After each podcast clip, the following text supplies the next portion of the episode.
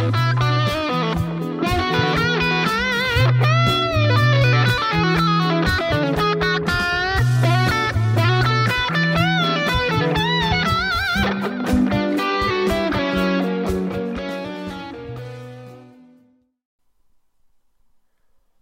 serviste divertikülite, güncel yaklaşım ve stratejiler.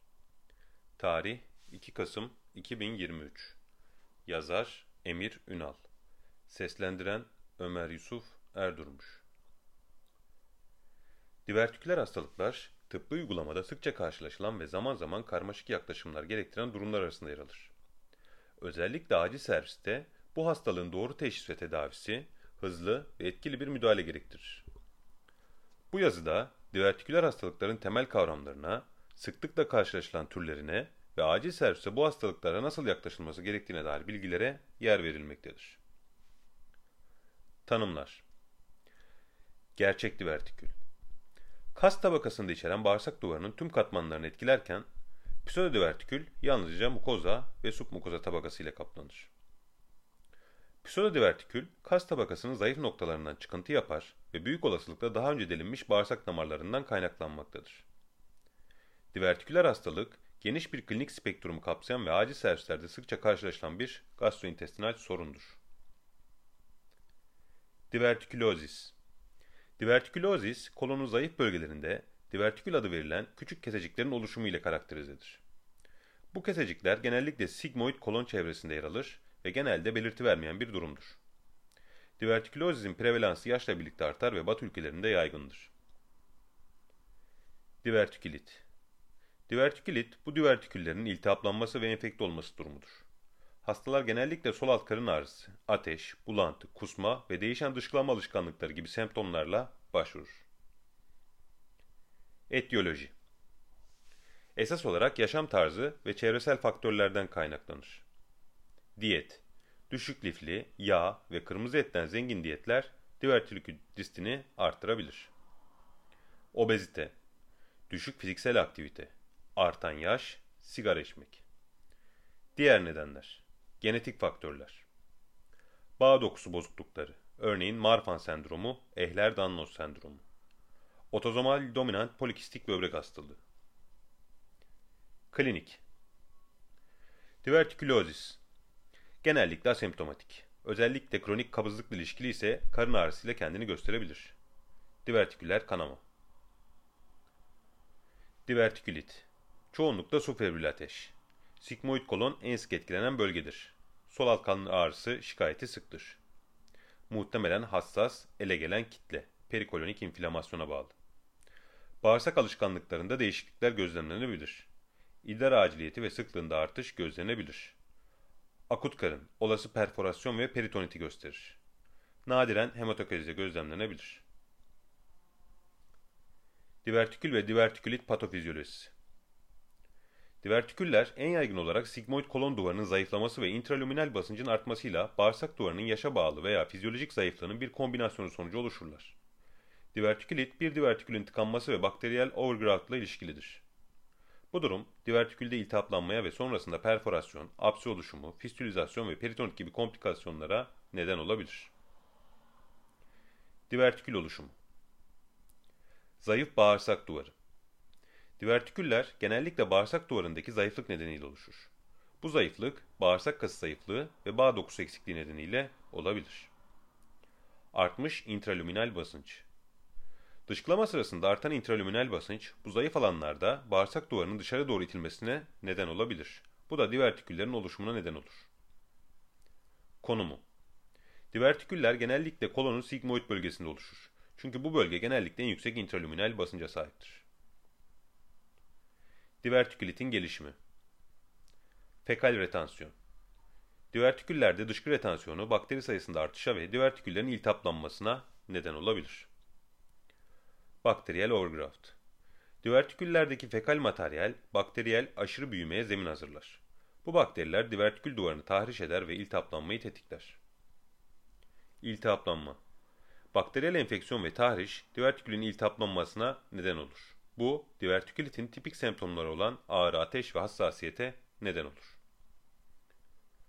Komplikasyonlar Erken komplikasyonlar 1. Apsi oluşumu Divertikülitin iltihaplanması ve sonrasında bakteriyel enfeksiyon çevresindeki dokularda pürülen sıvı birikimine neden olan bir apseyi tetikleyebilir. 2. Perforasyon Lokalize meydana gelebilecek perforasyonda apse veya flegmon gözlenebilir.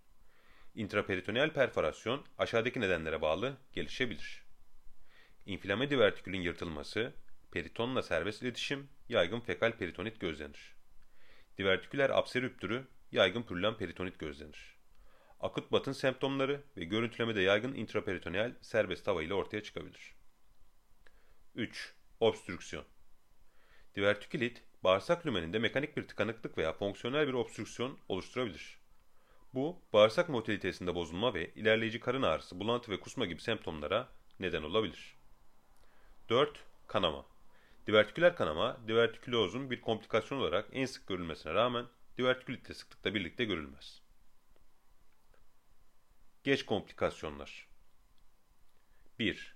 Fistül oluşumu Kronik inflamasyon ve tekrarlayan iltihaplanma epizotları divertikülün çevresindeki yapılarla normal bağlantılar oluşturabilir. Bu fistüller genellikle bağırsaklar, mesane veya vajina gibi yakındaki organlarla bağlantılıdır. 2. Rekürren divertikülit Tekrarlayan divertikülit epizotları bağırsak duvarında kalıcı skar oluşumu ve stenoz gibi komplikasyonlara neden olabilir.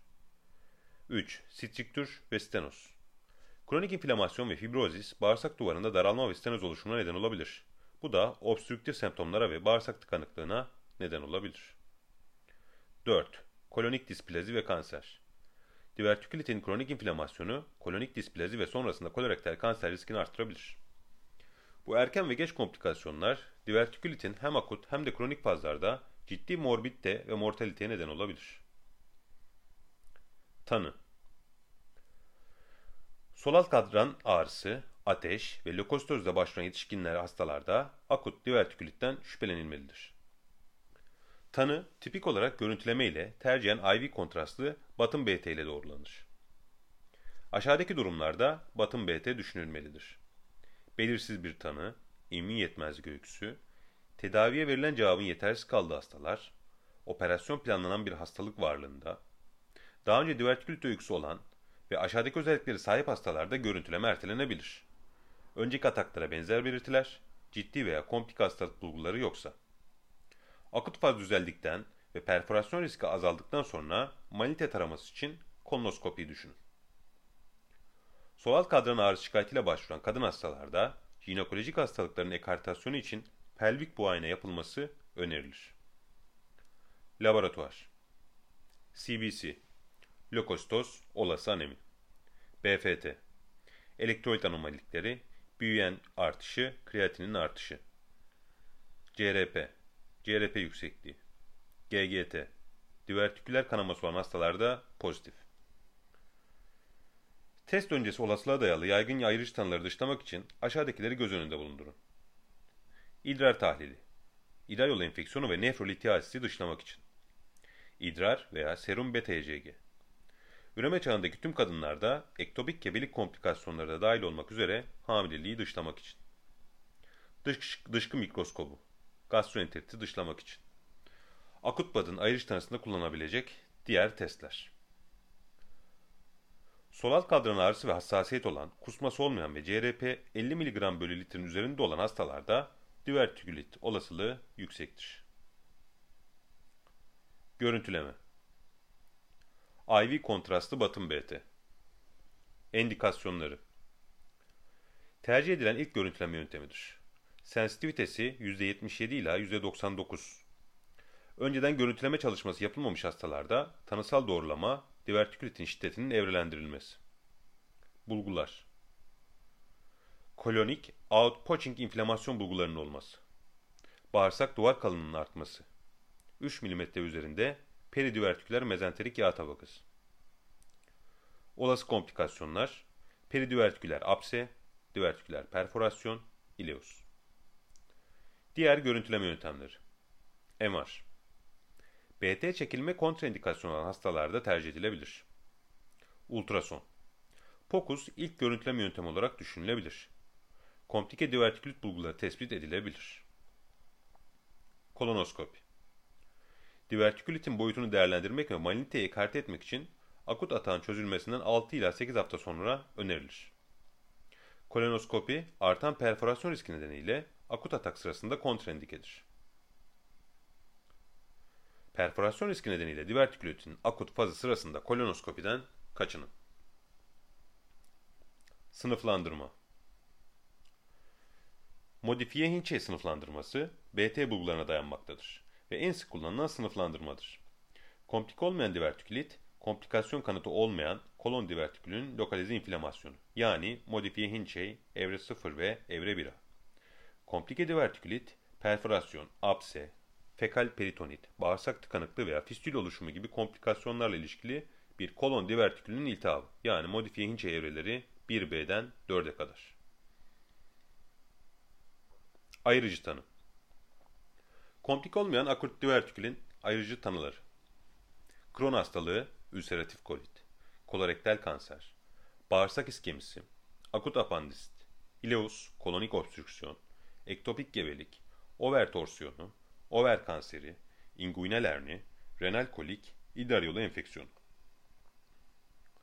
Perfore divertikülitin ayrıcı tanıları için akut batın ayrıcı tanıları düşünülebilir. Hem acil serviste karın ağrısı yaklaşım tekrar etmek hem de ayrıcı tanıları gözden geçirmek için sitemizde Doktor Mehmet Birkan Kongar'ın yazdığı yazıyı incelemenizi tavsiye ederim. Tedavi Komplik olmayan divertikülit Modifiye Hinchey evre 0 ve evre 1A Konservatif yönetim Seçilmiş hasta gruplarında geniş spektrumlu oral antibiyotikler düşünün. Örneğin siprofloksasin artı metronidazol. Komplike divertikülit. Geniş spektrumlu IV antibiyotiklerle yatarak tedavi edilir. 4 santim üzerindeki apseler için BT kılavuzluğunda perkutan drenaj önerilir. Jeneralize peritonitli hastalarda acil kolektomi. Ciddi veya komplike hastalık geliştirme riski yüksek olduğundan bağışıklık sistemi baskılanmış hastalarda görüntüleme, antibiyotik tedavisi ve cerrahi konsültasyonu erken düşünün. Komplike olmayan divertikülit. Antibiyotik tedavisi. Endikasyonlar. Klinik bulgular. Yaygın enfeksiyon belirtileri. Şikayetlerin gerilememesi, kusma. Önceden var olan koşullar. Hamilelik, immünsüpresyon, yaşlı hastalar, komorbiditeler. Laboratuvar bulguları. CRP'nin 140 üzerinde olması veya beyaz küre sayısının 15 bin üzerinde olması. BT'de sıvı toplanması ve veya yaygın enflamasyon. Antibiyotik seçenekleri Metronidazol 500 mg 1 x 3 ek olarak aşağıdakilerden herhangi biri. Siprofloksasin 500 1 x 2 Leofloksasin 750 1 x 1 Trimetoprim sülfametoksazol Amoksisilin kloronat, moksifloksasin 4 ila 7 gün tedavi süresi. Destek tedavisi. Göreceli bağırsak istirahati. Semptomlar düzelene kadar berrak sıvı diyet. Lüzum halinde analjezik. İlk seçenek asetaminofen ve antispazmolitikler. Refrakter ağrılarda nonsteroid antiinflamatuar ve opioid analjezikler kullanılabilir. Antiemetikler lüzum halinde kullanılmalıdır. Takip ve taburculuk. Ayaktan tedavi. Hastalığın ilerlemesini değerlendirmek için hasta 2-3 gün içinde kontrole çağrılmalı. Eğer iyileşme yoksa yatarak tedavi düşünün, komplikasyonları değerlendirmek için görüntülemeyi tekrarlayın. Hasta son bir yıl içinde kolonoskopi yaptırmamışsa semptomlar düzeldiğinde tarama kolonoskopisi planlayın. Tekrarlayan komplik olmayan divertikülit için cerrahi konsültasyonu düşünün. Sık, tekrarlayan ataklar, kronik semptomlar veya belirsiz tanı olan hastalar için gastroenteroloji konsültasyonunu düşünün. Şiddetli semptomları veya ek hastalıklar olmayan, komplik olmayan divertikül hastaları eğer oral ilaç alımına uygun sağlayabilirlerse ve düzenli takip edilebilirlerse ayaktan tedavi alınabilirler. Komplike divertikülit Antibiyotik tedavisi Geniş spektrumlu IV antibiyotikler rutin olarak önerilir. Komplikasyonların yönetimi Apse Boyut 4 cm ve altı IV antibiyotiklerle konservatif yönetim denemesi 48-72 saat içinde iyileşme belirtileri. Enteral beslenmeye başlayın. Oral antibiyotikleri geçmeyi düşünün. 48 saat içinde iyileşme belirtisi yok. Görüntülemeyi tekrarlayın ve perkütan drenajı düşünün. Boyut 4 cm üzerinde. Ultrason veya BT kılavuzluğunda perkütan drenaj. Perkütan drenaj mümkün değilse laparoskopik veya açık cerrahi. IV antibiyotik tedavisine devam edin. Aspirat veya irini kültür için gönderin ve antibiyotik tedavisini buna göre düzenleyin. Yaygın peritonit ile perforasyon, acil cerrahi. Hemodinamik olarak stabil hastalar, laparoskopik veya açık kolektomi ve geç stomalı stomasız primer anastomos. Kritik hastalar, Hartmann prosedürü.